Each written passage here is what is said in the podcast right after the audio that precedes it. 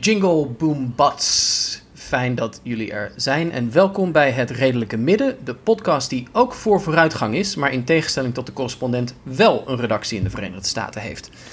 Wij zijn Pim van den Berg, Jaap Strooms en ik ben Thijs Kleinpaste. En wij zijn ervan beschuldigd ons op te sluiten in ons eigen gelijk, in een echokamer van ons welgevallige meningen. Maar dat is niet waar, het tegendeel is waar. We hechten er juist grote waarde aan om ook uitvoerig stil te staan bij het ongelijk van anderen. Uh, en vandaag in de podcast hebben we het over het belang van blote piemels onder de douche. Staan we stil bij columnisten die als de dood zijn dat de vrijheid van meningsuiting morgen verdwijnt. Oeh, ja. Hebben we het over de vreugde die linkse muziek brengt. En praten we over de relatie van links ten opzichte van de overheid. Zo, dat is een behoorlijk wat, eh Thijs. Ja, dat is, eh, dat is een flinke, flinke waslijst. Maar misschien moeten we dan maar gewoon zo vlug mogelijk eh, beginnen, Jaap. Ehm, had jij, eh, wil, wilde jij aftrappen over, eh, over piemels? Ja, dat, eh, dat doe ik graag. Ehm, ja, ik ben dus inderdaad Jaap. We hebben ook gehoord, eh, stel je even voor. Zorg dat het duidelijk is wie ehm, eh, welke stem bezit. Want dan misschien na een aflevering of, tien is iedereen daar ook eens zoetjes aan, aan gewend. Ik, ik trap wel af. We kregen natuurlijk ehm, een, eigenlijk een, ja, meerdere wonderlijke epistels van... de voorma- het voormalige GroenLinks-Kamerlid Tini Usdiel over ons heen. Ehm, ja, laten we maar bij de meest recente beginnen. Ook vooraf wel, het is niet zo van dat we nou zelf het idee hebben dat eh, die schrijfsels nou zoveel ehm, inhoudelijke aandacht verdienen. Een voordeel is wel dat, dat je het wat makkelijker kunt behandelen zonder hem ook echt, eh, echt kliks en, en waardering te geven. Je kunt natuurlijk ook twitteren met alleen screenshotjes en, en niet links. Want het zijn geen schrijfsels die eh, ehm, zeg maar stimulering eh, verdienen. Maar nou ja, in onze betrekkelijk ehm, eh, echokamer van een podcast is dat misschien wel het goede podium om te doen. Want er zitten ook wel wat dingen tussen die misschien wel ja, juist ook wel waard zijn om even bij stil te staan. Ja, ja mag, ik, mag ik opmerken dat ik heel blij ben dat je ehm, zojuist zeg maar, in, een, in een item over blote piemels het woord stimulering hebt gebruikt. Ik ben daar ongelooflijk tevreden mee en ik hoop onze luisteraars ook. Dat, ehm, dat zal vast eh, in, de, in de smaak vallen. Ehm, oh, nu wordt het raar. Ik, eh, ik, laat ik maar gewoon beginnen. Ehm, het, eerste ding dat wel op, mij opviel is dat ehm, ik heb het eh, vermoeden dat ehm eh, Sini, als hij een stuk schrijft, dat hij dan zelf ook eraan een titel bij verzint. En dat, zoals te doen gebruikelijk is in de media, eh, de redactie in ieder geval nog gaat over wat de kop uiteindelijk wordt die boven het stuk wordt gezet. Het, eh,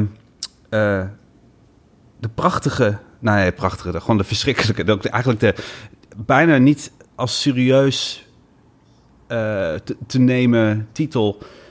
Eh, De, de, de titel die in Zini's tweet stond over deze column. dus letterlijk, ik dacht dat het een grapje was. Ik zag namelijk ook een screenshot eh, voorbij komen van iemand die dan hier commentaar op had. En ik zag, eh, en daardoor, omdat het een screenshot was, wist ik niet zeker of het wel echt een tweet was van hem met een link naar een echt bestaande column of dat het een soort van grapje was. En ik, eh, dat bleek dus niet het geval. En de, en, en de titel van, nee, de, de, de, de tweet luidde: Waarom moslims die in hun onderbroek douchen gevaarlijk zijn. Ja, Ja, ik bedoel, En, Jaap, even om, om duidelijk, dit gaat dus om eh, de meest recente, als, eh, van de meest recente column van Zini in NRC Handelsblad. juist. Eh, want hij heeft daar een column en eh, dus dit is even voor de mensen die niet tot aan hun nek in Twitter Ja. zitten. Ehm, Inderdaad. Tot, hij had in die column geschreven over dat moslims dus in hun onderbroek douchen en hij vindt dat gevaarlijk. Precies. Hè, de Sini Usdiel is ex-GroenLinks-Kamerlid. En is nu eh, eh, na een, eh, een, een, een conflict met, ehm, eh, met Jesse Klaver... ehm naar aanleiding van enerzijds de, de- zijn zeg maar, solistisch op te, optreden over de door hem zeg maar, opgezegde steun voor, de, voor het leenstelsel. Wat, waar, waar Klaver natuurlijk mede architect van was. Eh, dat, dat was zeg maar eh, eh, stap 1, wat hem natuurlijk geen zins in dank werd afgenomen. En in, het vervol in, het, in, in de afhandeling van het conflict, hij werd ontboden op de kamer van, van Klaver. Ehm, bleek hij een, een, poging te hebben gedaan die nog mislukt was om, een, om, een, om dat gesprek op te nemen. En dat is, zoiets is natuurlijk ook nooit goed voor de onderlinge verhoudingen. En dat heeft uiteindelijk geleid tot zijn vertrek. Dus dat even als achtergrond. Ik, ik, wil wel, ik wil wel zeggen, wij, wij zijn natuurlijk het redelijke midden. Ik, ik, ik weet niet hoe jullie daarover denken, maar ik vind persoonlijk dat eh, in, in die zaak in ieder geval GroenLinks eh, echt alle blaam, en met name Jesse Klaver alle blaam eh, verdient. Want de manier waarop toen met, de manier waarop in die partij met dissidente Kamerleden wordt omgegaan, vind ik vrij beschamend, om het nog mild Hmm. uit te drukken. Nou ja, en Dus- de, de kop die het is geworden is... islamitische onderbroekdouchers zijn niet zo vrij.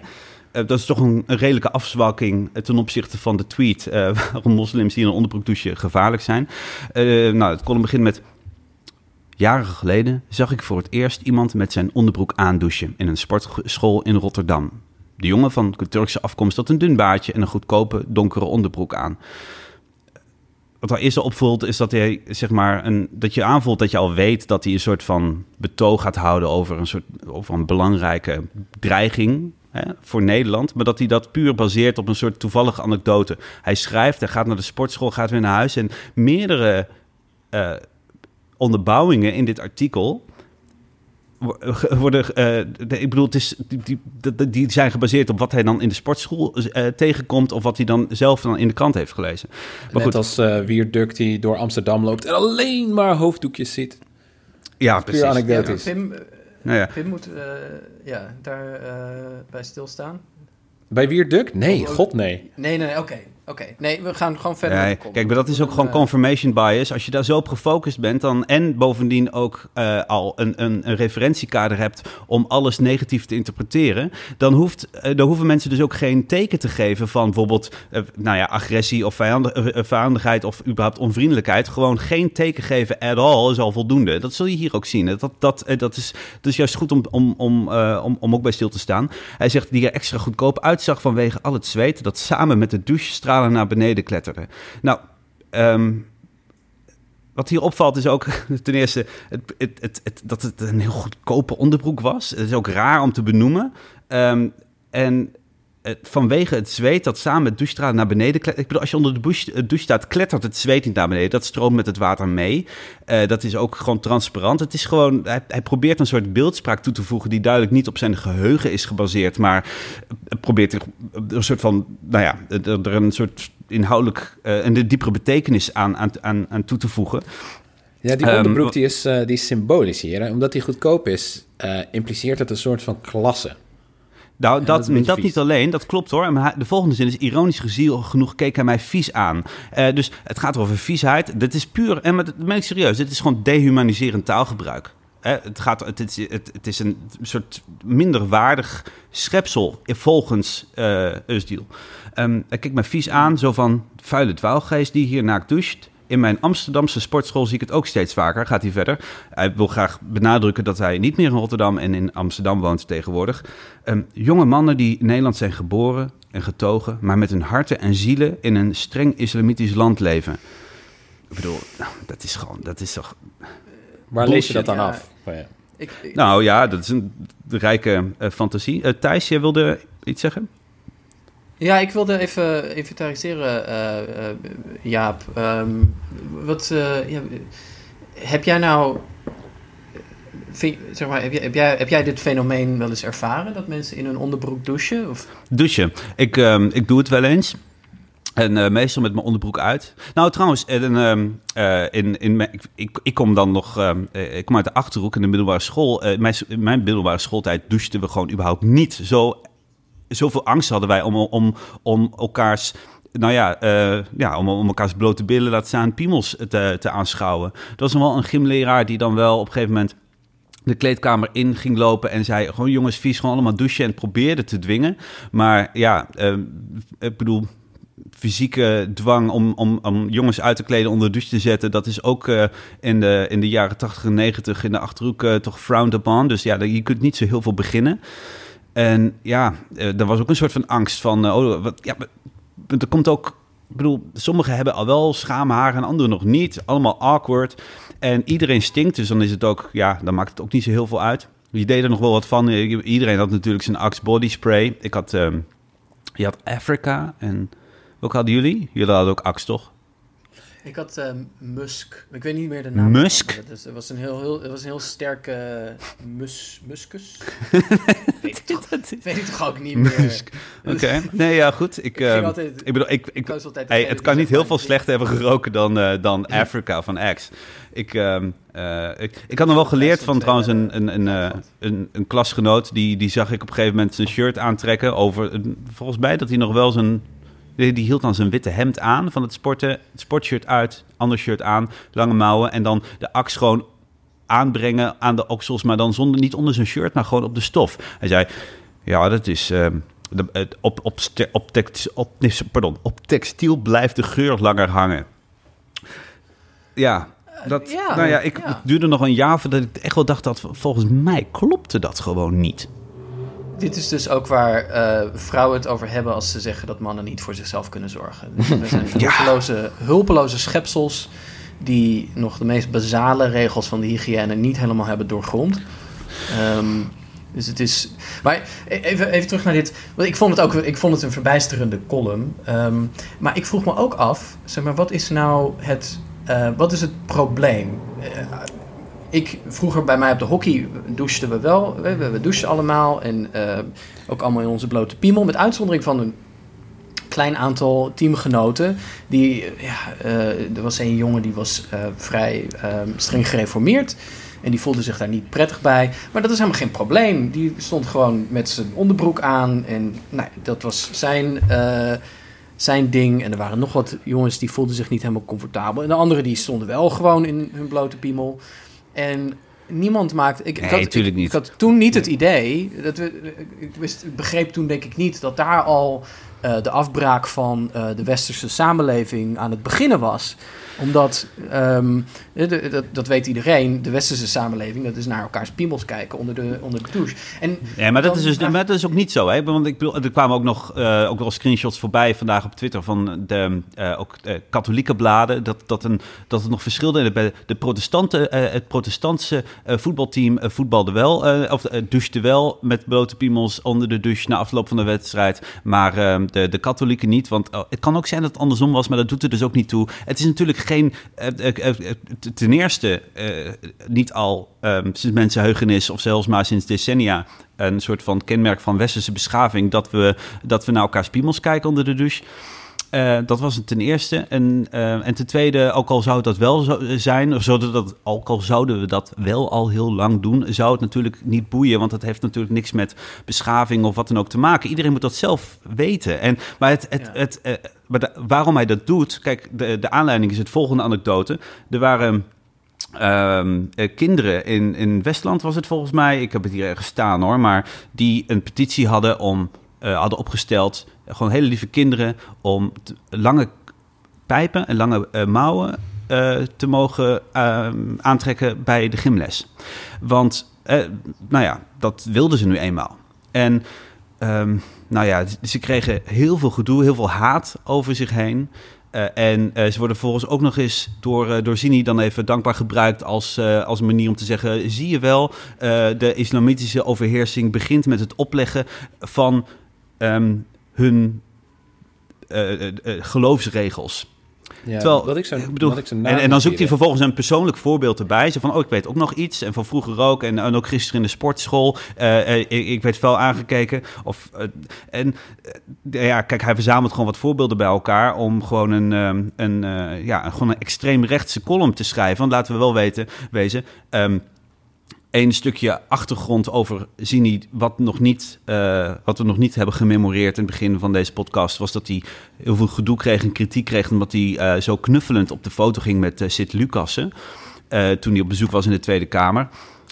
Het ging natuurlijk nooit om die foto. Mensen waren ook boos om, omdat dat een bevestiging was van de steeds duidelijker wordende tendens van Zini om te knuffelen met alt-right denkbeelden. Het was de, was de omhelzing, de letter, dat was een letterlijke uh, omhelzing die een bevestiging was en, en, en nou ja, explicieter maakte dat het een, uh, ook een figuurlijke en inhoudelijke ideologische omhelzing was. Want wat hij hier natuurlijk schrijft is gewoon echt gewoon extreemrechtse um, praat. En daarom, daarom was, die, was die foto natuurlijk ook al zo problematisch. Ehm, want ik, ik, ik vond het opmerkelijk ehm, dat de column... Kijk, als het nou een column was over van... Ja, die preutsheid of zo, weet je... Dan, dan kan ik ergens nog wel billijken als mensen zeggen van... Ja, we hebben nou daarvoor de 60s en de seksuele bevrijding gehad en zo. En, en eh, had hij die column niet voor NRC geschreven... maar gewoon voor het krantje van zijn lokale sportschool of wat dan ook. Maar hij maakt het zelf politiek. Want hij maakt op het eind gaat hij over naar, en het is alleen de PVV die eh, eh, doorziet en doorheeft dat dit soort hè, eerste eh, eh, kleine fenomenen uiteindelijk als een soort domino-effect een veel grotere consequentie. Dus hij maakt zelf hier eh, het argument dat douchen in je onderbroek. eh, eh, ja, toch op de een Ja. of andere manier het begin is van het einde van De westerse samenleving. van de westerse Ja. vrijheid. Ja, Pim, Ehm, ja, je merkt ook dat het gebaseerd is op een, een valse tegenstelling. Want voor eh Zini is die preutsheid eh, een manier van eh, een of ander moslim, eh, islamitisch complot om eh, menselijke lichamen te beheersen, te bekleden volgens islamitische normen. Maar het, tegenstelde, het daarvan is niet dat iedereen maar zijn piemel moet laten zien aan elkaar. Het tegengestelde is dat mensen zich daadwerkelijk veilig en vrij genoeg voelen, of dat ze dat zijn eigenlijk, om met hun lichaam te doen wat ze willen, inclusief bedekken. En, het commentaar daarop, eh, dat dat niet zou mogen, of dat het een. eh, eh, dat, dat is natuurlijk een bewijs dat hij zelf degene is die zijn wil oplegt. En dat is ook zo- het, het, het Ja, hij maakt van, van ervan. vrouwenlichamen en mannenlichamen maakt hij opnieuw een strijdtoneel, terwijl dat het Ja. niet zou moeten En van zijn. kinderen ook, hè? Van Gewoon, kinderen ook, ja, ja, en dat is het, ja, van, van kolonialisme en racisme de, de, de- en orientalisme. Dat is allemaal eh, het, het, het, het wil opleggen van hoe, an, hoe anderen en zelfs kinderen met hun lichamen opgaan. Het is, het is echt abject. En Ja. Nou, en dat is, dat is, misschien moeten we dat even opmerken, want die leerlingen die die petitie zijn gestart, dus in het Westland, die zeiden ook van, het wordt nou, we krijgen ongelooflijk veel racistische drek over ons heen. En het wordt helemaal ge- gedaan alsof dit een soort islamitisch complot is en dat we niet eens, de suggestie wordt zelfs gedaan dat we niet eens zelf die petitie hadden gestart. Terwijl zij zeggen, ja, het ging ons er ook om dat er gewoon meiden zijn die, ja, je, je zit in de puberteit, je hele lichaam verandert. Eh, Het, het, het pleidooi van die, eh, eh, van die meiden om gewoon de kleding te kunnen dragen die ze prettig vinden. ook omdat, ja, ik het was een, het was een veel breder, breder spectrum aan argumenten wat ze hadden. Want ja, iedereen, je zit in de puberteit, je hele lichaam verandert. je krijgt een groeispurt, je wordt misschien wat groter, wat forser. Het maakt allemaal niet uit je moet je prettig voelen in je lichaam en, en, en fijn voelen bij wat je draagt. En dat was de hele, het hele punt van die petitie.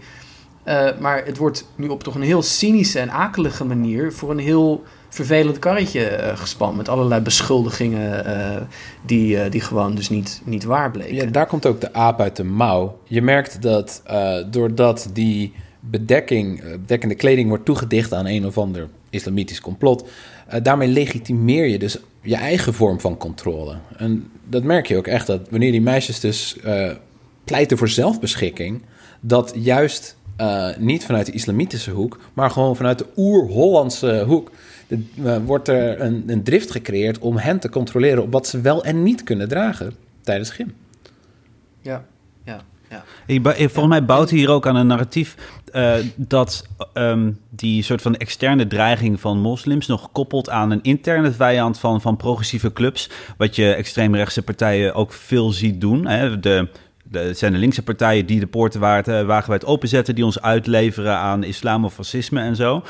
En hij zei namelijk ook, enerzijds eh, vermoedde hij een complot van een soort van zo'n Muslim Brotherhood-achtige ehm, eh, eh, achtige eh, bewegingen. Maar hij zei, hij zei ook dat ze gebruik maakten van allerlei progressieve, inclusieve taal... die heel hip zijn onder linkse kringen. Ehm, en dus ik, ik verwacht dat zijn volgende column nog eh, daar dieper op in zal gaan. Dat hij een soort complot, de complottheorie compleet maakt. Dat het echt de linkse progressieve clubs zijn die een soort samenspannen om een soort van islamitische revolutie te bewerkstelligen. En, eh, het, eh, maar ja, ik, aan de andere kant, veel gekker dan dit kan het eigenlijk ook niet worden. Nou, zijn vorige column, eh, afgelopen maandag in Vrij Nederland, deed ongeveer hetzelfde. Uitstekend bruggetje, Pim. Mag ik je daarmee complimenteren? Dankjewel, Thijs. Ja. De column eh, in Vrij Nederland. Ja, Oh ik, heb, jee. eh, ik heb eh, gewerkt bij Vrij Nederland. Ik begon mijn, eh, mijn stage en mijn hele journalistieke carrière eigenlijk bij Vrij Nederland. En ik heb daar zoveel geleerd. En ik heb eigenlijk alles aan ze te danken aan de eindredacteuren daar. Er werken zoveel, zoveel ervaren redacteuren. En er is menig pitch bij mij gesneuveld. ehm, om waarschijnlijk goede redenen. En Vrij Nederland is nu ook verder gegaan met een kleinere groep freelancers... waar ik zelf niet meer bij hoor. Ehm, en daarom is het des te schrijnender om te zien wat voor troep Sini Usdeel daar mag publiceren. Ik vind het een beetje ja, schrikbarend. Ga eens in op eh, troep, als je dat wil, Pim. Oké, nou het artikel kwam ongeveer hierop neer zoals hij dat tweette, Jaap. Ik parafraseer. Eh, linkse mensen die eh, polycorrect, politiek correcte meningen door proberen te dringen... dat zijn eh, de echte fascisten in de samenleving. Ja. Niet de fascisten, maar de linkse mensen die vinden dat je niet racistisch mag zijn. Dat is... eh, Ja, even voordat je verder gaat, ik zal weer even de vergelijking doen van de, de, de, tweet van de Cini en de, en de kop. De tweet eh, was hè, de begeleidende tekst bij het linkje: waarom linkse mensen die geen debat willen, de echte fascisten zijn. En de titel van het artikel was uiteindelijk: Als links niet meer met rechts in debat gaat, is dat een groot cadeau aan rechts. Je ziet daar dat het een soort van acceptabel vrij Nederlands sausje overheen eh, wordt, wordt gedrapeerd.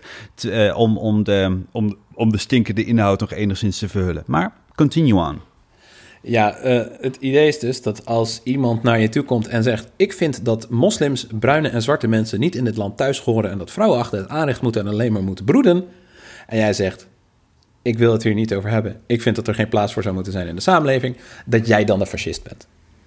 Ja, als je zegt dat is ononderhandelbaar, dit is geen discussie. Iemands waardigheid, iemands veiligheid, iemands vrijheid om gewoon een mens te zijn, zou niet ter discussie moeten worden gesteld. Ja. En het is Ja, bespottelijk dat Zini Usdeel eh, vervolgens mensen uitmaakt die daarvoor pleiten, gewoon voor, voor de vrijheid of, en pleiten voor een waardig bestaan, om te zeggen, ja, jullie zijn wel een beetje laf en intellectueel arm en fascistisch. Ja, en voordat, die dat voordat, voordat we daarop eh, verder gaan over eh, dat, dat, die platforming, dat hij dan ook even behandelt.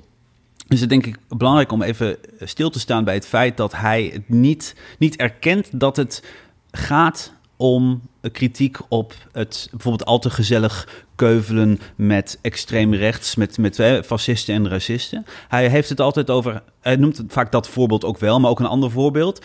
En eh, om het dan een beetje eh, dat te verhullen. En hij noemt, hij, zegt dat het dan gaat over het, eh, dat, dat je niet meer mag praten met ander, eh, andersdenkenden. Eh, dat vrijheid van meningsuiting eh, niet meer al- als ideaal wordt gehuldigd. Dat, dat je alleen nog maar, dat linkse mensen zich alleen maar willen opsluiten. Of sommige linkse mensen, zegt hij soms nog, zich op, willen opsluiten in hun eigen gelijk en geen andere meningen willen horen. Maar het is niet zo dat eh, de kritiek die bijvoorbeeld eh, wordt geuit op op bijvoorbeeld Lisa Westerveld, die ging met Dirk-Jan Epping, het eerste Kamerlid van F, Forum van Democratie, eh, op een gezellige manier. Werd, wat, die achtergrond moeten we even geven.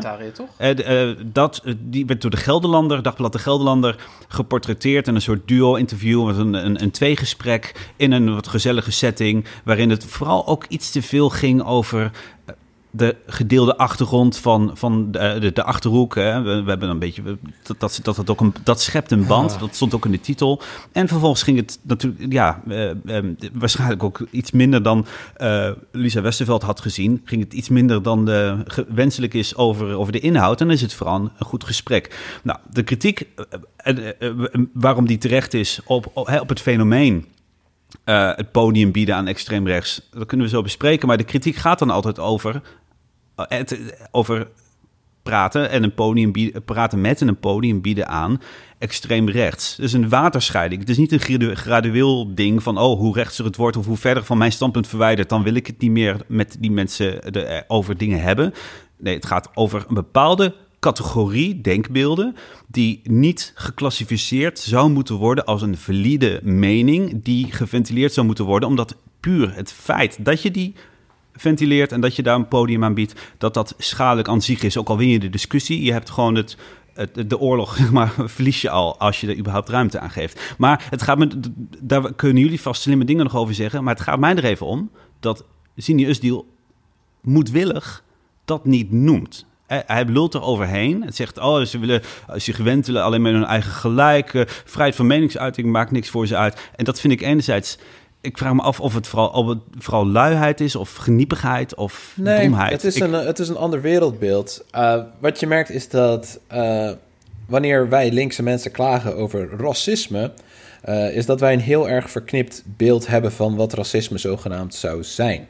Als je niet gelooft dat er echt structurele racisme bestaat en institutioneel racisme op verschillende niveaus, dus niet alleen maar hey, iemand noemt mij het N-woord of iemand zegt zwarte Piet tegen me, maar ook dat je gewoon minder baankans hebt. Of dat je niet gezien wordt op televisie. Jezelf niet terugziet op televisie en dat soort dingen. Ja, maar die vliegen gaat niet. Nee, die vliegen gaat niet op. Je hebt gelijk hoor. Ik bedoel, het is ook eh, eh, eh, dat wat witte onschuld is. ehm, ook wel een soort double think ehm, dat je eh, dat je er baat bij hebt om zeg maar niet te erkennen dat racisme bestaat. Maar ik bedoel, ik heb ook eh, Nederland mijn vaderland gelezen, het, het, het boekje van eh van Cini en daar laat hij zien, en dat is natuurlijk het lastige, of ja, het, ja, het lastige ook in, in deze discussie, is dat hij donders goed weet dat er institutioneel racisme is. Hij, hij, hij, hij, beschrijft, ik, eh, hij beschrijft dat als hij uitgaat met Turkse vrienden. Of eh, dat hij dan heel anders wordt behandeld en nergens binnenkomt.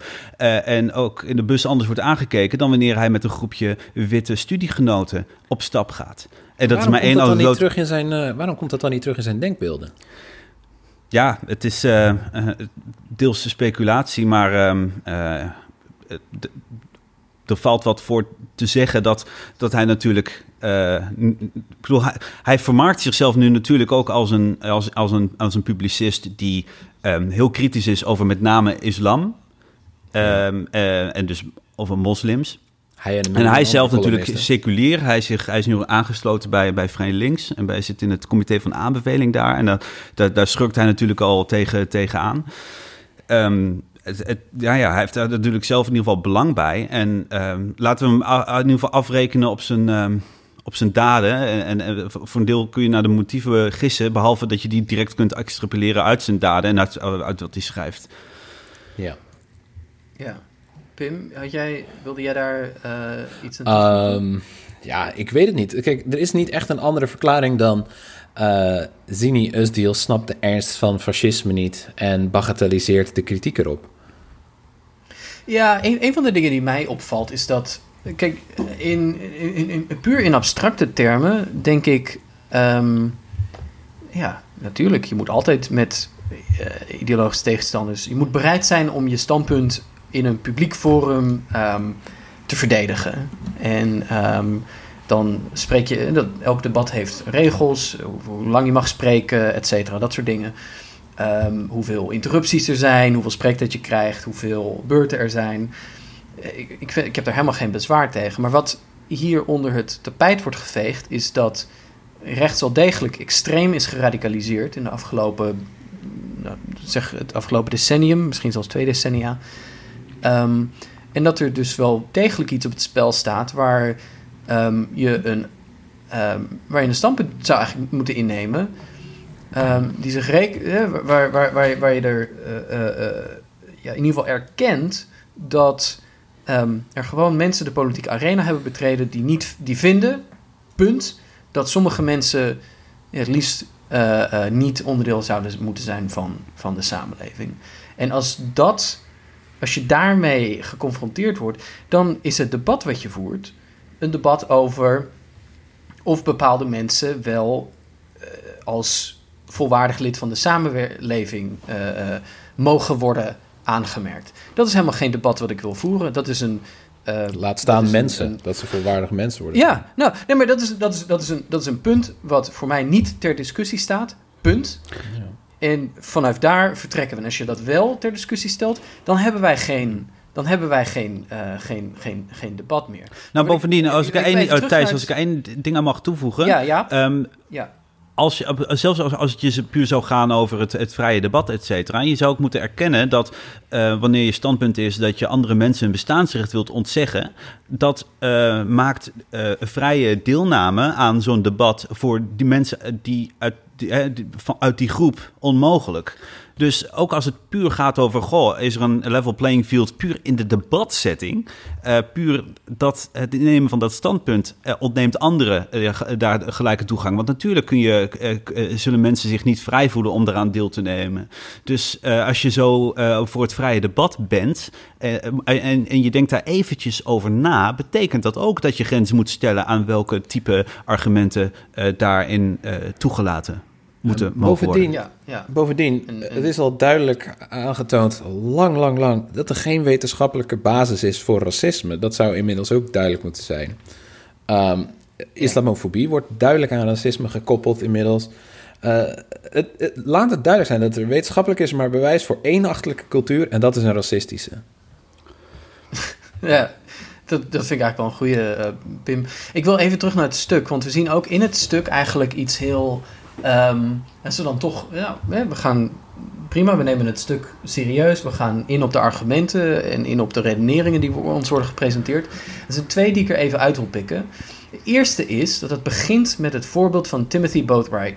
ehm, die eh, eh, studeert aan een eh, ehm, all, all Women's University, hè, een, een vrouwenuniversiteit in de Verenigde Staten, die nog gewoon ook als zodanig functioneren, maar ehm, eigenlijk door eh, eh, zich aan te melden aan die eh, universiteit, zich realiseerde dat, het, ehm, nou, dat hij geen vrouw is. Ehm, en ook, dat, dat, er is daar een mooi artikel over verschenen in de New York Times. Over hoe dat ehm, pad zich heeft voltrokken. Timothy voelde zich al ja, niet goed ehm, eh, tijdens zijn hele middelbare schoolperiode. en meldde zich juist ook aan eh, bij deze universiteit om, om, om ja, meer grip te krijgen op zijn eigen denken over gender ehm, en over ehm, mannelijkheid, vrouwelijkheid en wat het betekent. En kwam erachter, ik ben een man en maakte die transitie. Stelde zich op enig moment kandidaat voor diversity officer in de studenten, ehm, hè, de studentencouncil, de studentenraad. En dan, Ehm, ben je, dan is je en- functie dat je ehm, uitdraagt of, of eh, plek krijgt voor, of eh, geeft voor, dat je vorm geeft aan diversiteitsbeleid. Een soort ambassadeursfunctie, wat moet ik erbij voorstellen? In, ja, prima. Ja, in, in- inderdaad. In de studentenraad ben jij specifiek ja, verantwoordelijk voor een inclusieve en diverse eh, omgeving. En Timothy stelde zich kandidaat en daarover schrijft Sini... ehm, hij kreeg massale tegenstand. Dat is een onwaarheid. We hebben dat even gefactcheckt en dat is een leugen. Want Timothy werd gekozen tot diversity officer met meer dan eh, ruim twee derde van de stemmen. Huh. Ehm, en eh, dat laat Zini dan na om te vermelden, want dat komt hem niet van pas, want hij wil graag hier een soort karikatuur maken van de situatie. En het tweede, wat hij ook doet in dat stuk, is dat hij schrijft: We zien niet alleen in allerlei peilingen dat linkse mensen veel minder voorstander zijn van de vrijheid van meningsuiting, Hm. maar ook in producties van zichzelf links vindende intellectuelen. Opnieuw, ik heb die peiling nooit gezien. Dat leek me toch opzienbarend nieuws als dat inderdaad zo is. Waar zijn de bonnetjes, Sini? Op de voet. Waar zijn Waar de bonnetjes? Waar zijn de, waar zijn de bonnetjes? Nou, waar de bonnetjes wel zijn, want dit is dus een poging om een Amerikaans niet bestaand probleem te, eh, eh, ehm, over te, te, te, te hevelen naar Nederland en daar dan goedkope paniekpuntjes mee te scoren. En dat, dat vind ik heel, heel erg kwalijk. Overigens, ik zeg niet bestaand probleem, maar ik heb daar één eh, opmerking bij. En dat is dat het wetenschappelijk bewijs dat we hebben, want er wordt gewoon onderzoek gedaan in de Verenigde Staten naar problemen van, nou, wordt eh, vrijheid van meningsuiting, want daar zie je, maakt zich daar zorgen over, wordt vrijheid van meningsuiting nou eh, bemoeilijkt eh, in de Amerikaanse academie? Worden, is die platforming nou een groot probleem, hè, dat je van je platform gestoten wordt? Ehm, en het is tot op zekere hoogte een probleem voor linkse academici. Niet voor rechtse sprekers, Ha. voor linkse academici. Onevenredig grote aantallen linkse academici krijgen geen contractvernieuwing, eh, worden de laan uitgestuurd, worden gewipt. Ehm, en dat blijkt uit alle cijfers. Eh, het zijn linkse academici die bijvoorbeeld protesteren tegen het de facto apartheidbewind in eh, eh, Israël. ehm, eh, die eh, eh, antiracistisch zijn en daar eh, eh, hun, hun, hun stem aan geven. Dat zijn de mensen die eh, eh, worden gewipt. En het zijn dus niet dat handjevol eh, heel mediagenieke, maar vooral opgeklopte fophef, nep-ophef over Milo, Yolo Minneapolis en, en over Ben Shapiro en wie het ook allemaal zijn. Dat is allemaal lulkoek. Gewoon totale lulkoek. Eh, Hmm. Als je links bent in de Verenigde Staten, heb je veel meer, loop je veel meer risico dan als je rechts Ja. bent in de Verenigde Staten. Maar dat, en dat, dat vind ik zo smerig, dat staat dan ineens niet in het Vrij Nederlands stuk. Nee, nee, sterker nog, Dus- de intellectueel ja. die, de Nederlandse intellectueel die hij aanhaalt, van oh, ook in, in Nederlandse intellectuelen zie je dat er steeds meer eh, minder steun is voor eh, vrijheid van meningsuiting. Hij noemt hem niet bij naam, maar hij heeft het hier natuurlijk over Willem Schinkel, die juist eh, in, in, in publicaties schrijft dat hij soort van dat hij maar een handvol Oh. echt linkse wetenschappers kent en hij zelf eentje van is. En juist ook dit punt maakt en zegt namelijk eh, eh, dat, dat, dat, dat, nou ja, dat het klimaat juist veel rechtser is dan wel wordt, ehm, eh, wordt, wordt, wordt gepretendeerd. Ja, En hij zegt maar- zegt. eh, Precies, ja, ja. Er zijn maar een paar, een paar linkse mensen. En, dat is de, en, en, maar dat wordt dan als bewijs gezien dat, dat, dat er academici links zijn. Maar dat is alleen maar die ene die zegt dat het niet zo is. Ja, het is, het is net als eh, wat hij zegt over Amerika. Het is in Nederland ook moeilijker om links te zijn in de openbare ruimte dan rechts. Eh, zoals Schinkel is Ja. overkomen. Ik, eh, leuk weetje overigens. Karel Peters, ik denk Sneerlands oudstgediende literatuurrecensent. Die schrijft ook voor Vrij Ja. Nederland. En die recenseerde Willem Schinkel. En hij schreef... en Van Reken. En zei daar ook over, dit is heel mooi... Zo gaat het in het boek voortdurend over de witte mensen die alles fout hebben gedaan. Al eeuwenlang. Spreken van witte mensen, de halve mensheid, en die allemaal gewelddadigheid toedichten. Dat is nog eens fascistisch. Daar komen. Dus de witte mensen racistisch noemen, dat is het echte fascisme. Dus dan is de cirkel Ja. weer rond. Nee, want het is natuurlijk, eh, dat is ook een rode draad in dit soort commentaren. Racistisch genoemd worden wordt voorgesteld als een ernstiger vergrijp dan racistisch zijn. Ja. ja, racisme bestaat niet echt als een werkelijk probleem, behalve tegen witte mensen. Want die zijn de echte slachtoffers van racisme. Ja, dus En dat, en dat is toch opmerkelijk, want je moet toch...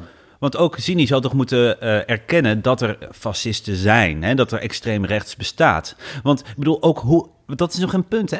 Hoe erg je het ook kan vinden dat. En als je, stel je bent er helemaal van overtuigd dat het een issue is dat je, dat je niet rechts kan zijn en dat, er, ehm, eh, eh, dat je vrijheid van spreken wordt beknot en zo. Stel, hypothetisch, dat het een issue zou zijn dan is het dan nog een, een probleem in de zin van de, de, de, de spreekruimte voor rechtse mensen. En dat je, dat je minder makkelijk je zegje kan doen.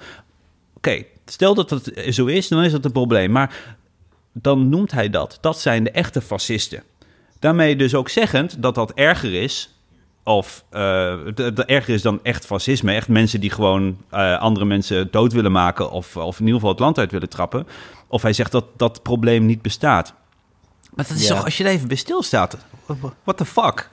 Ja, het is, het is, eh, een, ehm, het, het, is gewoon gebaseerd op het idee dat links zogenaamd aan een doorgeschoten cultuurrelativisme zou doen. Maar dat is, dat is iets voor volgende keer. Ja, ik, ik wil nog een laatste opmerking maken, want ik vind het wel belangrijk. We hebben het vaak over eh, de vrijheid van meningsuiting en dan hebben we het ook over deplatforming. Het, het, het, het van een platform beroven van je eh, opponent. Als, als, als, ja, dat is dan hetzelfde. Maar ik citeer daar ehm, graag de extreem linkse denker John Stuart Mill. Wacht even, nee, nee, nee. De nette liberale denker John Stuart Mill. Die schrijft in zijn pamflet On Liberty over vrijheid. We hebben het recht op verschillende manieren om onze ongunstige mening over anderen tot uitdrukking te brengen. Niet in zoverre dat zijn eigen individualiteit ontkent, maar op de manier waarop het onze eigen individualiteit juist bevestigt. Wij zijn niet verplicht, bijvoorbeeld, om zijn gezelschap op te zoeken. We hebben het recht om dat te vermijden. En we hebben ook het recht om eh, ons te omgeven met de mensen die wij eh, prettig en plezierig vinden. En het zou zelfs onze plicht kunnen zijn, het is nog steeds een citaat, om anderen voor die persoon te waarschuwen. En als we het nou hebben over die platforming en de vrijheid van meningsuiting, het zijn twee verschillende dingen. De vrijheid van meningsuiting is een recht dat niet waar niet mee gemarchandeerd mag worden, niet mee gesold mag worden door de staat. Maar het is niet het recht om overal gehoord te worden. En mensen snappen dit ook. Ik heb geen column in de Telegraaf. En toch zeggen mensen niet: Oh ja, dit is een uh, schadelijke uh, kwestie. Thijs Klempaste verdient een column in de Telegraaf. En als je hem die column niet geeft, dan is hij gedeplatformed. Dat is nonsens. Want mensen begrijpen dat de Telegraaf een radicaal rechtse krant is. En dat de Telegraaf graag radicaal rechtse meningen afdrukt. En dat dat dus, hè, dat is einde zaak. En als mensen zeggen: hey, um, joh, dit soort troep in Vrij Nederland, dit vinden wij beneden, uh, uh, beneden het niveau wat we van, van Vrij Nederland verwachten. En sterker nog, waarom wil Vrij Nederland met een rijke linkse traditie nou ineens een columnist in huis halen die allerlei rechtse uh, onzinverhalen... Radicaal rechtse onzin. Radicaal rechtse onzinverhalen herhaalt en, en, en gebruikt. Dan is dat volgens mij een heel legitieme vraag. Dat heeft niets met een beperking van de vrijheid van meningsuiting te maken, maar gewoon met het klassieke recht wat John Stuart Mill ook beschrijft, dat uh, ervoor dat, je, dat je je eigen ruimte kunt opzoeken, waarin je verwacht dat mensen zich op een bepaalde manier um, aan de omgangsvormen houden. En John Stuart Mill zegt: het belangrijkste is in het garanderen van die vrijheid van meningsuiting dat je dus niet naar elkaars huis gaat om elkaars huis in de fik te steken. Dat mag niet. Maar het idee dat je je uh, ja, dat je je eigen hoekje hebt waar je uh, elkaar een beetje aanspreekt op je verantwoordelijkheid en op wat je nou, uh, ja, wat voor wereld je graag wil leven, is volstrekt aanvaardbaar. Ja. Dat is helemaal niet zo'n groot probleem. En dan wil ik, ben ik wel weten, nog, oh, daar wil ik wel even op, op, kunnen we daar heel even bij stilstaan, om maar even weer een linkje met de column te leggen. Want ik begrijp namelijk niet wat, uh, want dat is, maakt het ook lastig als je niet begrijpt wat zo'n columnist nou eigenlijk bedoelt. Welk argument hij probeert te maken. Ik bedoel, dat helpt de zaak, oh, dat bespreek ik niet. Ik citeer even, misschien dat jij daar een licht op kan, kan uh, schijnen. Sini zegt, zo beginnen safe spaces op universiteiten waar studenten zich kunnen terugtrekken als ze geconfronteerd worden met ideeën die ze niet leuk vinden, ook in Nederland wortel te schieten. Kijk, nu had ik, nu verkeerde ik in de misschien abusievelijke veronderstelling dat een safe space een soort overdrachtelijke term was voor um, plaatsen waar zeg maar werd, wordt gezegd dat, dat bijvoorbeeld, nou ja, bijvoorbeeld een, een of andere extreemrechtse politicus is niet welkom hier, want hier hebben we bepaalde waarden waarin we hebben en we willen niet dat uh, in een bijvoorbeeld in het cultuurcentrum, een debatpodium van een universiteit, waar we bepaalde normen en waarden hebben, willen we niet dat racisten daar komen. van dit, deze, deze plek hier, of misschien elke dinsdag uh, van de week, als we hier onze, ons samen zijn hebben met een bepaalde agenda, willen we dit en dit en dit niet. Maar hij zegt letterlijk safe spaces waar studenten zich kunnen terugtrekken als ze geconfronteerd worden met ideeën die ze niet leuk vinden. Ik bedoel, hij lijkt het gewoon, hij lijkt het gewoon letterlijk te bedoelen. Het, eh, hier, uit, hier uit, uit niets blijkt dat hij dit overdrachtelijk of metaforisch bedoelt. Hij denkt dat er echt fysieke ruimtes zijn waar je gewoon even naartoe kan gaan als je gewoon even niet gestoord wil worden. Ik bedoel, het kan, ik kan. me niet voorstellen dat hij zo dom is, maar dan is het wel heel slecht geschreven. En ik heb, ik heb hier even hulp bij nodig. Want nou, campussen zijn gewoon bastions voor verlinksing, radicale verlinksing. En als je het kan toewijzen, toewijzen aan een plaats, dan is het makkelijker om dat uh, als een denkbeeldige te, af te schilderen. Ja, ze hebben daar een mooie term voor in de Verenigde Staten. En het is bullshit. Daar klopt gewoon geen kut van. Echt niet. Nee, nee kijk, dat is ook, daarom moeten we niet, misschien niet al te lang bij zijn. Ik denk dat het gewoon heel snel is opgeschreven. Het is, ook niet nog eventjes gefine-tuned, et cetera. Dit was, ook, dit was zijn essay, hè? En, en, uh, het is een totale fabricatie, echt. Het is lulkoek. Het is, het is ook gewoon vlak voor de deadline gewoon opgeschreven en ingetikt. Want ik bedoel, als je het gaat... Dan, oké, okay, dan let's move on. Maar ik wilde dat even noemen, want je had het ook over... Uh, volgens mij ook ja. over dat soort de safe spaces en zo. Oké, okay, dan... dan want dat is het tweede punt, ook die platformen.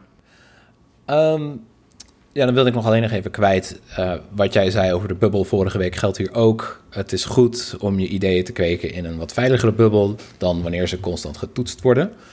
En tweede is natuurlijk, cancel culture bestaat helemaal niet.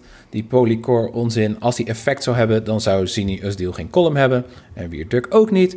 Annabel Nanninga niet in de politiek zitten. Enzovoorts, enzovoorts, enzovoorts. En zou de wereld een veel fijnere plek zijn. Het redelijke midden. Nou, we gaan eh, door met het eh, tweede eh, onderwerp van, eh, van, van, van deplatforming naar het eigenlijke podium. Eh, we gaan het hebben over muziek. Ja, eh, we kregen een tweet ehm, van Thomas Bast.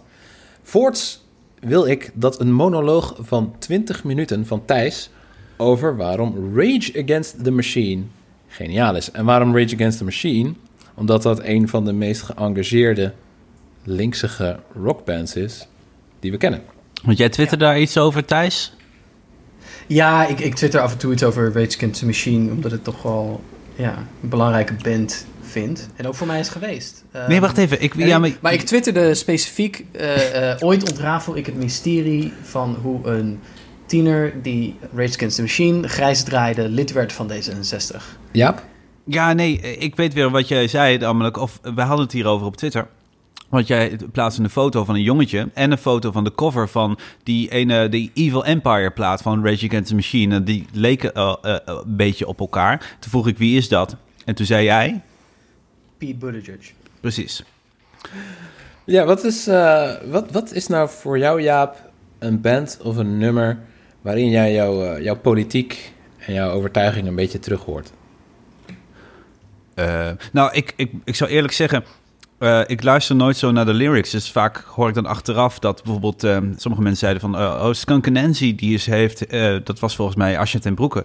Ik weet niet zeker, dat moet, moeten we even checken. Ehm, dat, ze, dat eh, prachtige geëngageerde teksten had. En ja, dat luisterde ik ook. Maar ik... ehm, mijn Engels was dan toch niet zo goed genoeg. Of je bent meer met de muziek bezig. Wel had ik dat trouwens met Sepultura, met... ehm eh, Biotech, die, eh, die, die, Sepultura. ja, kijk, ik was zeg maar een beetje van alles wat. Wel echt een beetje een alto, maar niet al te veel metal. Behalve dan Sepultura, om de een of andere reden. En die hadden op de plaat Chaos AD volgens mij ook het eh, liedje Biotech. Het kan ook zijn dat het een andere is. Andere plaat, dat die op een andere plaat stond.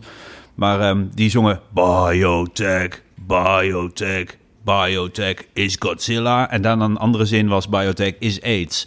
En dat, ehm, nou, dat was zo expliciet dat ik wel dacht... oh, blijkbaar is de Braziliaanse metalband... ehm eh, Sepultura, geleid door de broertjes eh, Max en Igor Cavalera... niet zo te spreken over het gebruik van biotechnologie. Hoe zou dat toch komen? En ehm, eh, nou ja, dat heeft wel het idee... eh, niet dat ik daarna vervolgens enorm in ging verdiepen... maar dat dacht ik, oh ja, dat is blijkbaar... eh, die, die, die maken zich eh, zorgen over, eh, over natuur en milieu. En eh, dat is iets waar, ze, waar je boos om kan worden... en waar je muziek over kan, kan maken. Dat was een concept dat ik daarvoor nog in ieder geval nog niet kende. En, ehm, en daarna was het, ja, ik heb wel naar echt het meest, meest enorme linkse teringherrie die ik kende, was Atari Teenage Riot, een soort van gabberpunk. Eh, maar het- dat ehm, vond ik vooral fascinerend en ik weet niet waarom ik die plaat heb gekocht. Ehm, maar ehm, ja, dat, dat, Ja. dat waren de meest expliciete voorbeelden. En, eh, maar ik jij zal even een fragmentje laten horen van eh, Atari Teenage Riot.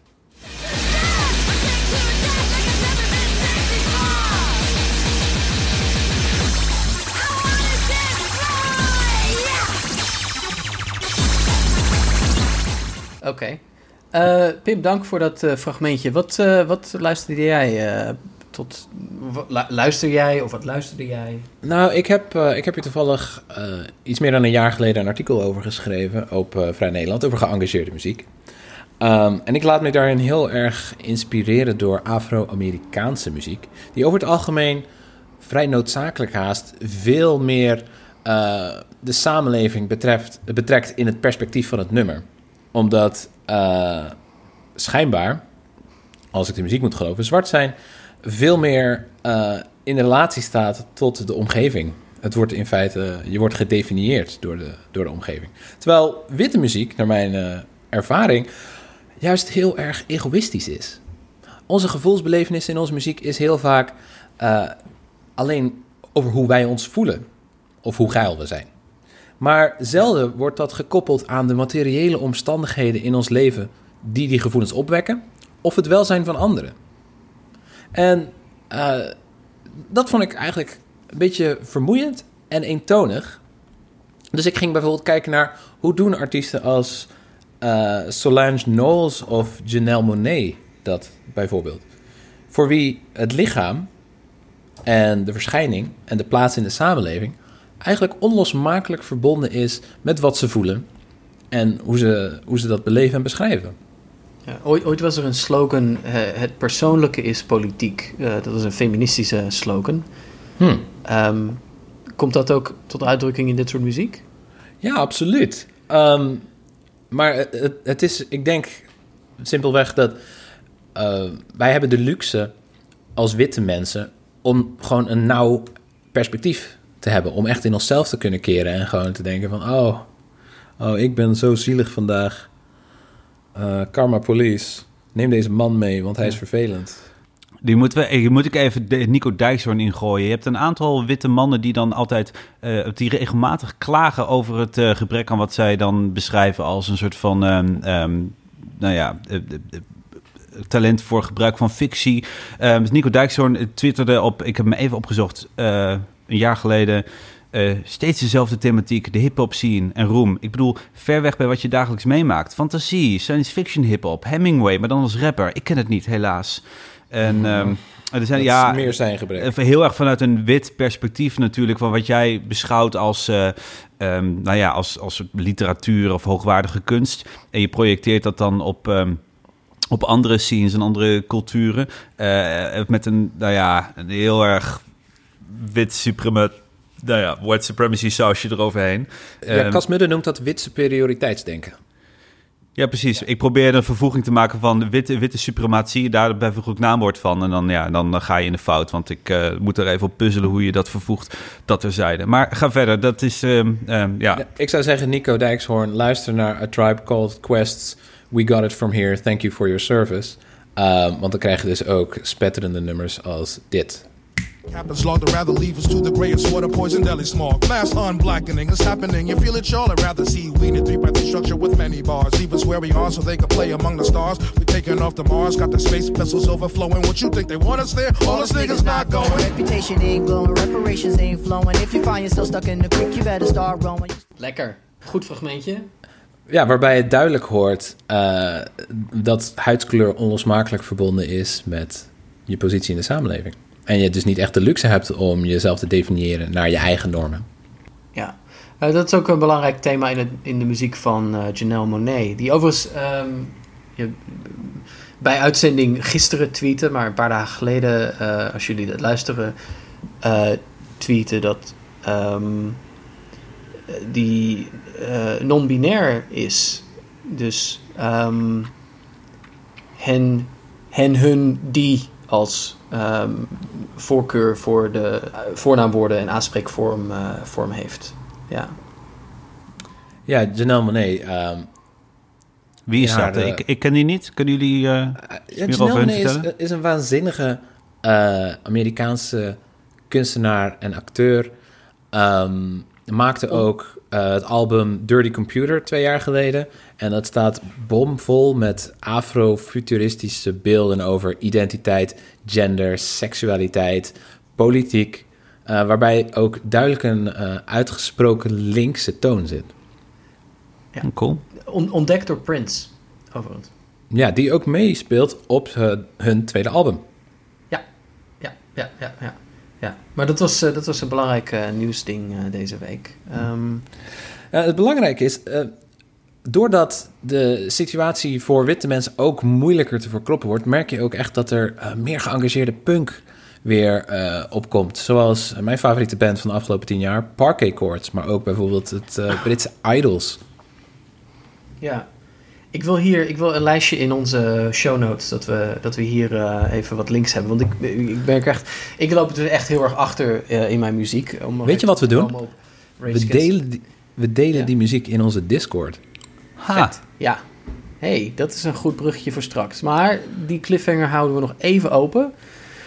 Ik wilde nog vertellen dat ik... ehm, ik had laatst... Ik, ik vond dus Rage Against the Machine als tiener helemaal de shit. En ik heb dat grijs gedraaid. Maar ik denk, om nou even op dat mysterie terug te komen... Ik denk dat ik toen vooral dacht... Ja, volwassenen deugen niet. En dat maakt dus ook niet... De politieke oriëntatie van die volwassenen maakt ook niet uit. Want eh, volgens mij is volwassen zijn zelf een... ehm, een groot bezwaar. Dus dan, dan kun je toch iets wat heel politiek is, zoals Rage Against the Machine. op een apolitieke manier interpreteren. En ik heb hier ook heel veel bijvoorbeeld eh, medestudenten eh, die ook het PhD-programma hebben gedaan in Georgetown.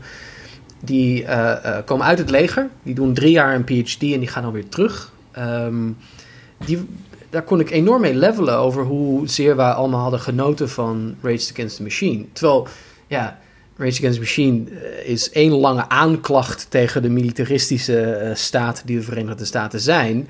En to- toch hadden zij zoiets, ja, nee, goede, goede jeugdherinnering. Ik was ook echt helemaal een rage, eh, ragehead. Volgens mij kun je heel erg dus dingen niet zo goed, ehm, niet goed begrijpen. En, en ook natuurlijk op zich, rage, het is ook, ehm, het is wel sentiment. Want ik, ehm, mijn studenten, ik moest, een, eh, ik moest een lesje geven en mijn studenten hadden het stuk van ehm, Francis Fukuyama gelezen, The End of History, het einde van de geschiedenis.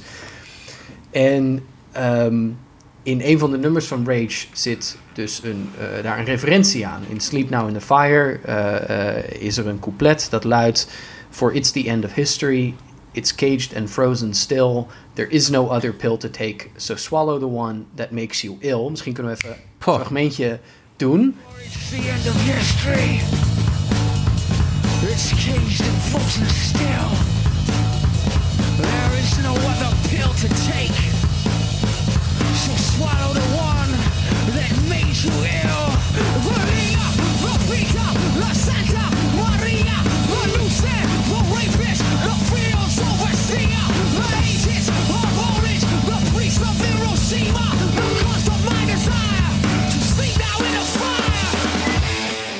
Pats. Ehm, en dus ik, ik had even die clip laten zien, wat ook echt een heel eigenaardige clip is. Want eh, zowel Donald Trump als ehm, eh, eh, Giuliani zitten dus in die clip. Ehm, en mijn studenten die keken, de, de helft was gefascineerd en de andere helft keek me toch heel meewarig aan dat ik zo oud was dat ik die band me nog kon herinneren. ja, ja. Maar, maar goed. Maar, nou ja, dat, dat om maar even... Maar ik, ik weet niet zo goed waar dit punt heen gaat. Misschien... ja, of Pim, Nou, red me. Ik, eh, ik merk ook wel dat Rage Against the Machine heeft ook een vrij militante klank. Het is ook wel moeilijk om, eh, om van de oppervlakte dat te onderscheiden van precies hetgene wat het bekritiseert. Ja. Daarom stel ik voor dat we afsluiten met dit prachtige fragmentje van Rage Against the Machine, gezet op A Thousand Miles van Vanessa Carlton.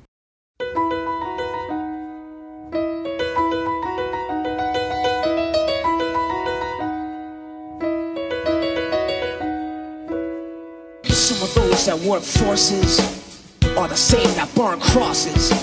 Some of those that work forces are the same that burn crosses. Some of those that work forces are the same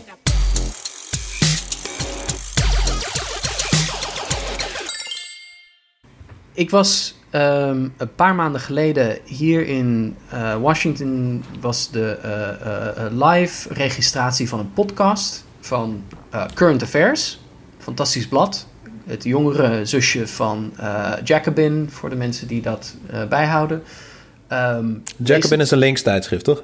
Jacobin is een, is een links-marxistisch tijdschrift en eh, Current Affairs is wat anarchistischer. Hm. Hoofdredacteur Nathan Robinson. En zoek, ga, ze, ga ze opzoeken op Twitter of online. Maar ik was bij de live-opname van een podcast, ook een leuke podcast. Ehm, en aan het eind van die podcast eh, deden we iets wat ik denk heel belangrijk is voor linkse mensen. We gingen samen zingen. Er was ooit een rijke traditie van linkse strijdliederen. Hè, gezang en, en, en saamhorigheid in het samen zingen over klassenstrijd en de omverwerping van het kapitalisme. En ehm, naar linkse muziek luisteren is goed, maar samen linkse liederen zingen is nog beter. En ik zou een lans willen breken voor de vreugde die het brengt om samen een links strijdlied te, te zingen. Of het nou de internationale is of een ander lied, dat moeten we meer doen. Ja, dat moet ook geïntroduceerd worden eh, da- in dat geval. Ik lijkt me een heel leuk idee. Ehm, ik, ik heb wel een relevante anekdote, namelijk die eerder eh, het tegendeel ehm, aanvoert. Maar dat komt vooral door de context. Ik in 2010, eh, of was het 2009, in de aanloop naar de Tweede Kamerverkiezingen eh, eh, van 2010, werkte ik voor de campagne van, van de PvdA. Deed de, online dingen van Job Cohen. Job Cohen Journaal op YouTube en, en, en, en Twitter en livestreams en allemaal dat soort grappen. Ehm, en en ik, ik, ik ben toen ook lid geworden van de PvdA. En ik dacht van, nou ja, dan ga ik, ook, eh, ga ik er ook voor. Dan ga ik er ook achter staan. En ik, eh anderhalve maand lang of zo, deed ik dan fulltime met ingehuurd om dan dat soort dingen te doen. En ehm, nou, ik was lid geworden. En dan deed ik verslag van een zo'n conferentie of een, in ieder geval een of ander eh, samen zijn. En ik, nou, ik ken dan inmiddels aardig wat mensen. Ik voelde me aardig deel van de club. En op een gegeven moment gingen ze allemaal de, opeens de internationale zingen. En ik kende dat niet. En er is geen, ik bedoel, eh, de reden dat, dat, dat zo'n ritueel eh, verbindend is, is ook de reden waarom het zeg maar uitsluitend is. Als, je, als duidelijk is, door, de- door het Ja. feit dat je het niet kent, ehm, dat je er dus een soort van niet bij hoort. Dus, eh, nou ja, dat Ja, pleit voor het me ook belang wel van. voorstellen. Dus je moet, inderdaad, dan moet je, dus, het kan heel krachtig zijn, maar dan moet je mensen wel daartoe introduceren. En, en stap 1 is dan eigenlijk, welke, welk lied had je in gedachten, Thijs? Nou, ik vind, ik vind de internationale vind ik heel toegankelijk en een echt een mooi lied. En, en het, eh, eh, de melodie kent ook iedereen. Eh, we- we kunnen ook Ik, niet hoor. Ik heb, er geen, ik heb geen. Ik bedoel, ik, ik heb meerdere partijcongressen van de PvdA bijgewoond tot ik ehm, mijn lidmaatschap opzegde en eh, naar GroenLinks verhuisde. Maar eh, ik, de, de melodie zou ik niet kennen. Zullen- Kunnen we daar ook een clipje van invoeren? Heb je die paraat, eh, Pim?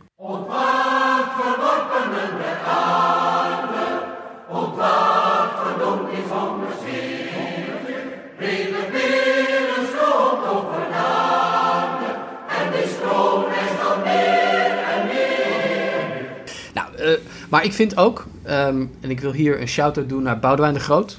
Boudewijn de Groot, de Nederlandse Bob Dylan. Die met Oh, nee. zijn Vroege, nee, ik vind hem echt leuk. Ik, ik, hou, ik hou van Boudewijn de Groot. De vroege Boudewijn de Groot.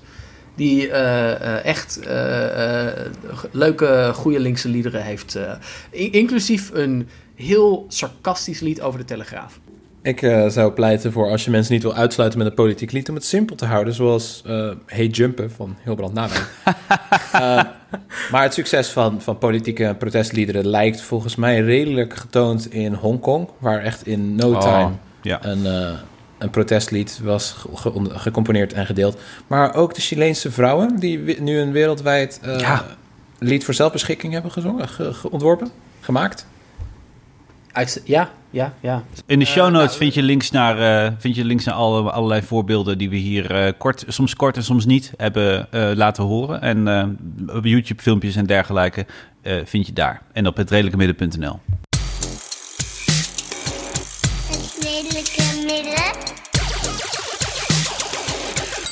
Pats, boem. Oké, en van ehm, gezang naar de inhoud van het gezang. Hoe, ehm, hoe moet... Er was een eh, ijzersterke column, andermaal, van Asja ten Broeke in de Volkskrant. En eh Asja gaat ook te gast zijn in onze podcast binnenkort. Zij is er enthousiast over, wij zijn er enthousiast over. Het kwam net nog even niet goed uit om deze al te doen, maar zeer, zeer spoedig gaat dat gebeuren. Maar Asja had een uitstekende column in de Volkskrant, ehm, waarin zij in feite betoogde... wat links vraagt van kiezers is eigenlijk om een ehm, groter vertrouwen in het vermogen van de overheid om een, eh, om een, om een wereld, ehm, om de wereld zo in te richten dat die eh, eerlijker is en rechtvaardiger is voor een, een groter deel van, van de mensen. En dus we, we wilden het nog even hebben over ja, hoe, wat is nou de relatie van links ten opzichte van de staat, ten opzichte van de overheid? Want die is wel, die is, die is complex. Zeg ik dat eh, op de juiste manier? Pim? Ja, bij, eh, bij links wordt automatisch gedacht aan eh, stereotypen van de Sovjet-Unie, waarbij je in jouw woorden al het gevoel had dat je jezelf moest aangeven als je een nare droom over Stalin had. Ja, ja, ja, ja klopt. Ehm, Het ligt er natuurlijk wel aan of je, onderdeel, of je onderdeel bent van het establishment of zo gezien wordt. Eh, eh, dat is alvast een belangrijk verschil. Ehm, Labour had denk ik ehm, dat, bleek ook wel uit allerlei analyses, moeite met het overtuigen van hun electoraten dat al die mooie plannen die ze hadden ook eh, verwezenlijkt zouden kunnen worden. Omdat die kiezers ook ervaring hadden met niet al te, ehm, nou ja, niet al te goed beleid van, van Labour in het, in, in het verleden. Terwijl aan de andere kant Bernie Sanders nu in Amerika, denk ik, eh, geloofwaardiger en eh, effectiever eh, de rol van soort van outsider kan spelen. Als, als we niet onderdeel zijn van het establishment, enerzijds, maar anderzijds wel voldoende ervaring hebben, ook als legislator met, met, met resultaat eh, hebben geboekt.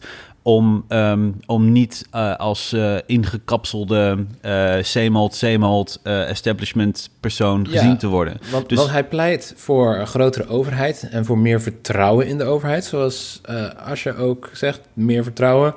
Ehm, maar hij kan dat dan ook nog eens staven met decennia consequent beleid voeren. Ja, ja, ja, punt. dat is een goed punt. Maar ik, wat ik, ehm, volgens mij, er er is iets heel raars, eh, denk ik, in, in er is iets waar, waar links in de problemen komt, eh, een of een beetje in de knel komt met zichzelf als het gaat om de overheid. Aan de ene kant is er altijd de beschuldiging die komt van rechts, van nou, links is voor de grote overheid, is voor de grote staat. Ehm, waarmee links in het defensief wordt gedrukt om de overheid als zodanig, of in ieder geval de macht van de overheid als zodanig eh, te verdedigen. En tegelijkertijd eh, links enorm gebaat is bij eh, eh, het argument, en dat argument ook moet maken, dat de overheid zoals wij die kennen op dit moment helemaal niet links is. En ook helemaal geen linkse belangen dient. Maar, niet om nou helemaal marxistisch te worden, maar zoals Marx zegt, de, gewoon de belangen van het kapitaal dient. Van Ja. de machtigen in, in de samenleving dient. Dus Want je wilt, je wilt nu geen groter politieapparaat, bijvoorbeeld. Dan wil je zo. daar, komt geen, daar, komt geen meer rechtvaard, daar komt niet meer rechtvaardigheid uit voort. Nee, en zeker niet van de Nederlandse politie, waarvan we weten dat daar eh, eh, grote problemen Hey, zijn. In even, de korpsen. als, als losse opmerking, ik denk dat we nog maar het topje van de ijsberg hebben gezien als het gaat om ehm, racistisch politieoptreden. eh in, in, met name, denk ik, in, in grote steden. Ik en eh, de, de, de termen als eh, dat de Haagse dienders zich Marokkanen verdelgers of Marokkanen jagers noemen. eh, dat is denk ik eh, geen eh, complete uitzondering. Het niet om zich noemen, maar het gaat natuurlijk om de cultuur waarin zeg maar, er een, het, het ge- gecultiveerd wordt. Los van de bewoordingen die worden gebruikt, dat er gecultiveerd wordt, dat jacht wordt gemaakt op mensen van kleur. En eh, eh, dat, dat ze ongelijk worden verdeeld, dat is inmiddels ook wetenschappelijk, oh, sorry, ongelijk worden behandeld, zoals bij preventief fouilleren. Eh, dat is wetenschappelijk bewezen, maar dat er beleidsmatig en ook in, in, in, in, de, in de beleidscultuur en in de, in de, bedrijfscultuur van zo'n organisatie prioriteit wordt verleend, officieel ook, aan, aan het, gewoon het, echt het opjagen van mensen. Dat, ja, de- de- dat, gebeurt meer dan we denken. Hè. Dat, dat zie je ook bijvoorbeeld bij de casus over de Belastingdienst. Waarin de, in die toeslagenaffaire, eh, die gewoon ook veroorzaakt werd doordat ze zich ehm, eigenlijk gemandateerd voelden door het politieke klimaat. om eh, mensen van kleur, met name Turkse en Marokkaanse eh, gezinnen, gewoon op, ja, ja, daarop te jagen en het, het nadeel van de twijfel te geven. En wanneer dat dus stelselmatig en generaties lang gebeurt, kan ik me voorstellen dat dat dus echt een diep geworteld wantrouwen kweekt jegens die overheid. En wat, wat had Asja daar precies over te zeggen in haar column? Nou, kijk, het, het argument van Asja, en ik begrijp dat, is dat links altijd het argument moet maken: ehm, hey, de, de staat en de overheid kan een, ehm, kan een instrument zijn voor het eh, rechtvaardiger maken van de wereld. Maar wat ehm, denk ik wel belangrijk is om even op te merken. is- Ik geloof dus niet in de mythe dat rechts tegen een grote overheid zou zijn. Dat is echt, dat is nonsens. Rechts houdt enorm van de overheid. Rechts is door en door verliefd op de staat. En met name wanneer die staat eh, zich in een politiepak eh hijst. En linkse demonstranten in de nek slaat met een eh, wapenknuppel. Wanneer die staat eh, kan worden gebruikt om eh, keihard arme mensen, minderheden, et cetera, onder de duim te houden. Dan hoor je rechts nooit over.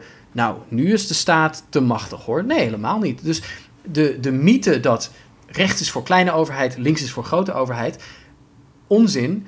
Rechts is voor een overheid die eh, arme mensen, minderheden, eh, mensen die weinig te makken hebben, die een slechte maatschappelijke status hebben, om die er extra onder te houden. Links is ervoor dat de overheid wordt veranderd en eh, een kracht voor het goede wordt. Dat, Dat doet is- me denken dat aan. dat doet me denken aan wat Bernie onlangs zei. Van ja, de Amerikanen, of recht houdt niet, zegt, zegt niet van socialisme te houden. Uh, but they're wrong. There, uh, there's, there's really, there's big socialism. It's just that's socialism for the wealthy. Weet je wel, eh, het moment dat eh, in 2008 de financiële crisis uitbrak, stond Wall Street aan te kloppen bij de overheid voor eh, subsidiepakketten en bail-outs om maar niet ten onder te gaan. Het is alleen, ja, wanneer het de rijken goed komt, wanneer het witte mensen uitkomt, dan ineens is overheid functioneel en nodig. Ja, nou, of, of denk in Nederland aan de mensen die staan te juichen op het moment dat Extinction Rebellion door eh, politieagenten uit, eh, uit de vertrekhal van Schiphol wordt gesleurd. Dan zijn ze er ineens heel erg eh, enthousiast over. Dus de, het, het, het verschil tussen links en rechts is niet ben je voor of tegen een kleine overheid. Het verschil tussen links en rechts is links zegt de overheid kan iets goeds doen. Rechts zegt de overheid kan, mijn, eh, kan de mensen die ik het daglicht in de ogen niet gun, met, eh, eh, op, een, op een schofterige manier behandelen. En dat vind ik fijn. Dat is het verschil. Ja, het, het, het, het komt er eigenlijk op neer dat de overheid ingezet wordt als een knuppel, als een wapen, om de eigen belangen te behartigen, maar als de anderen er gebruik van zouden kunnen maken als... eh, hoe, gaat het ook weer? In fascisme is democratie eigenlijk alleen maar gewoon de wil van de meerderheid en niet eh, om de minderheden die er gebruik van maken een stem te gunnen. Precies. Yes. Wat Asja schreef. Oké, wat Asja schreef is. Durven burgers na zoveel jaren van sloop de controle over hun leven wel te schenken aan de staat die eerder zoveel stuk maakte? Waarom zou je de belofte van maakbaar succes inruilen voor vertrouwen in een regering, zelfs een linkse, wanneer je door de vorige kabinetten steeds weer gepiepeld werd? Dat is eigenlijk een heel goede vraag. En wat, wat ik, en dit zeg ik vanuit de Verenigde Staten, wat ik interessant vind aan de eh, Bernie-campagne is dat het eigenlijk een heel intelligent argument maakt. waarin het zegt: zowel de overheid nu is niet van ons. Hè, onze beweging staat buiten de instituties van de staat, maar rammelt aan de deur en heeft de mogelijkheid om de controle terug te pakken. En om van eh, de staat weer een, een, een, een instituut en een instrument te maken ter, eh, ja, ten gunste en ter verheffing van eh, de werkende klasse. In plaats van dat de overheid, zoals het inderdaad in de Verenigde Staten, maar ook in Nederland in de afgelopen decennia is geweest, een instrument dat eh, straft, dat disciplineert, dat afpakt, dat eh, mensen eronder houdt en die zich gewoon ronduit onbetrouwbaar gedraagt. Ja, Jaap, eh, je, je wilt hier vast nog wel iets over kwijt. Nou, oké, ik zat nog te denken aan dat je... ehm, ik ben vooral benieuwd eh, naar de, de mate waarin Bernie Sanders erin slaagt... om het hele concept van een politieke revolutie ehm, te doen landen bij het publiek. Hè, dat... ehm, eh, een soort op- overkoepelend, integrerend thema. ehm, dat, dat je volgens mij, eh, en ik parafraseer hier een beetje een, een goed artikel in Jacobin, eh, dat, ik, in, dat we aan de show notes zullen toe, toevoegen.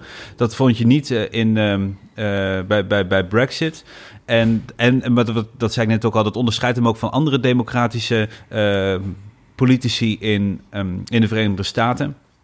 Dat hij op een geloofwaardige manier, aan de ene kant juist, hè, paradoxaal genoeg, omdat hij al lang meedraait als politicus, maar toch een outsider is eh, op een geloofwaardige manier, omdat hij vooral ook een beweging heeft gecreëerd van, heel, van, van nou ja, hij heeft de meeste is, eh, vrijwilligers en do- en donateurs eh, en hij heeft echt een beweging ge- gecreëerd waarin hij geloofwaardig kan maken dat hij die overheid kan veranderen. Want dat is natuurlijk het punt. Hij kan, hij kan geloofwaardig daarmee maken dat hij in staat is om de overheid te maken tot een machtsapparaat dat er is voor, voor iedereen. Want dan kom je niet iedereen. alleen maar met een goed verhaal en zegt ik heb een beleid. En dat is natuurlijk het verhaal van Warren. I've got a policy for that. Ja, met, met, met, met een policy kom je er niet. Je hebt een veel meer nodig. En dat, dat snapte Obama trouwens ook. Echt een ander type politicus hoor. En ook niet zo eh, links, maar die had in ieder geval door dat je moest vertellen dat, je het, dat het een movement for change was en zo. En ehm, eh, ja, of Bernie Sanders erin gaat slagen, eh, dat staat te bezien. Maar hij maakt goede kansen. Je ziet nu dat eh, zowel de media eh, door beginnen te krijgen dat hij eh, gaat winnen. Trump ook. Die heeft de aanvalsadvertenties op hem geopend. Eh, probeert hem een beetje af te schilderen als zo'n eh, hypocriete rijke democrat. Maar dat heeft allemaal niet zo heel veel... ehm, eh, zeg maar, tanden. En, eh, en ook het democratische establishment natuurlijk. Dus eh, daar, ik ben, ja, dat is de belangrijkste uitdaging, denk ik. eh, of het belangrijkste strijdtoneel waarin we kunnen gaan zien of het mogelijk is om het electoraat zeg maar, te doen geloven in het vermogen van, van, van de overheid om er te zijn voor iedereen. En dat is wat we het komende jaar ook zullen, zullen volgen. In november gaan we het zien. Ik denk dat Bernie gaat winnen. Ik denk het ook.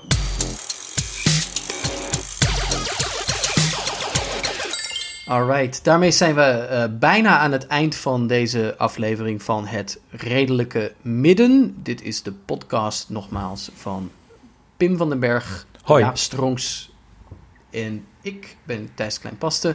We hebben nog een paar huishoudelijke eh, mededelingen. We blijven jullie danken voor alle feedback die jullie ons sturen via allerlei kanalen. Of dat nou de e-mail is, het redelijke midden, gmail.com of via Twitter, het redelijke midden. Uh, we zullen ook weldra andere stemmen in deze uitzending hebben. Uh, zoals gezegd, we hopen Asja vlug te gast te hebben, maar ook veel anderen. Um, en dan um, moet ik zeggen, wij willen ook graag onze Discord. Dat is een programmaatje waarin we de uitzendingen voorbereiden en met elkaar praten over wat nou het nieuws van de week is en wat we moeten gaan bespreken. Uh, kom erbij, want het is gewoon een, tof, ja, een toffe applicatie waar we een beetje uh, tegen elkaar aanpraten en plannen maken en ook vragen of je uh, zou willen meedoen. Het lijkt een beetje op Slack, waar meer mensen bekend mee zijn. Gewoon allemaal kanalen waar je kunt chatten. En je hebt ook een audiokanaal eventueel uh, waar je live in kan gaan, waarin we dit ook opnemen overigens. Dus het lijkt een beetje op Slack, daar kennen mensen wel gewoon chatten. Slack. Dankjewel Jaap. Ja, ik ben uh, digibate uh, uh, nogal, dus ik kon deze beschrijving niet, niet geven. Mocht je bij ons in de Discord willen, het is net als Slack, stuur ons dan even een berichtje, een DM op het, redelijke midden uh, op Twitter of het redelijke midden gmail.com om een e-mailtje te sturen.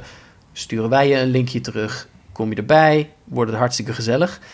Um, tot slot, uh, Pim en Jaap, wat is uh, jullie redelijke midden van deze week? Jaap?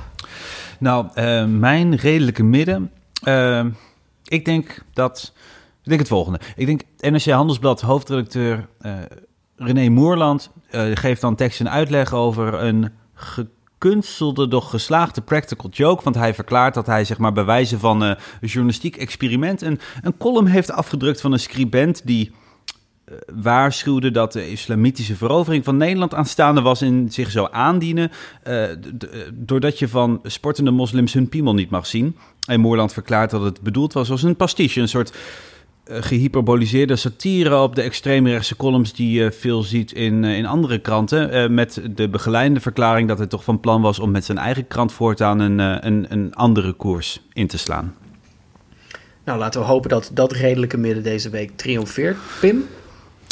Uh, een column voor Thijs Klein past in de Telegraaf en anders is de vrijheid van meningsuiting in het geding. Ik sluit me daar 100% bij aan. Mijn redelijke midden van deze week is: we gaan allemaal demonstreren tegen een oorlog met Iran, maar wel naakt in onze piemel, zodat de mensen begrijpen dat dat tenminste niet ter discussie staat. Daarmee zijn we het uitgekomen van deze podcast. Dank jullie wel nogmaals voor het luisteren.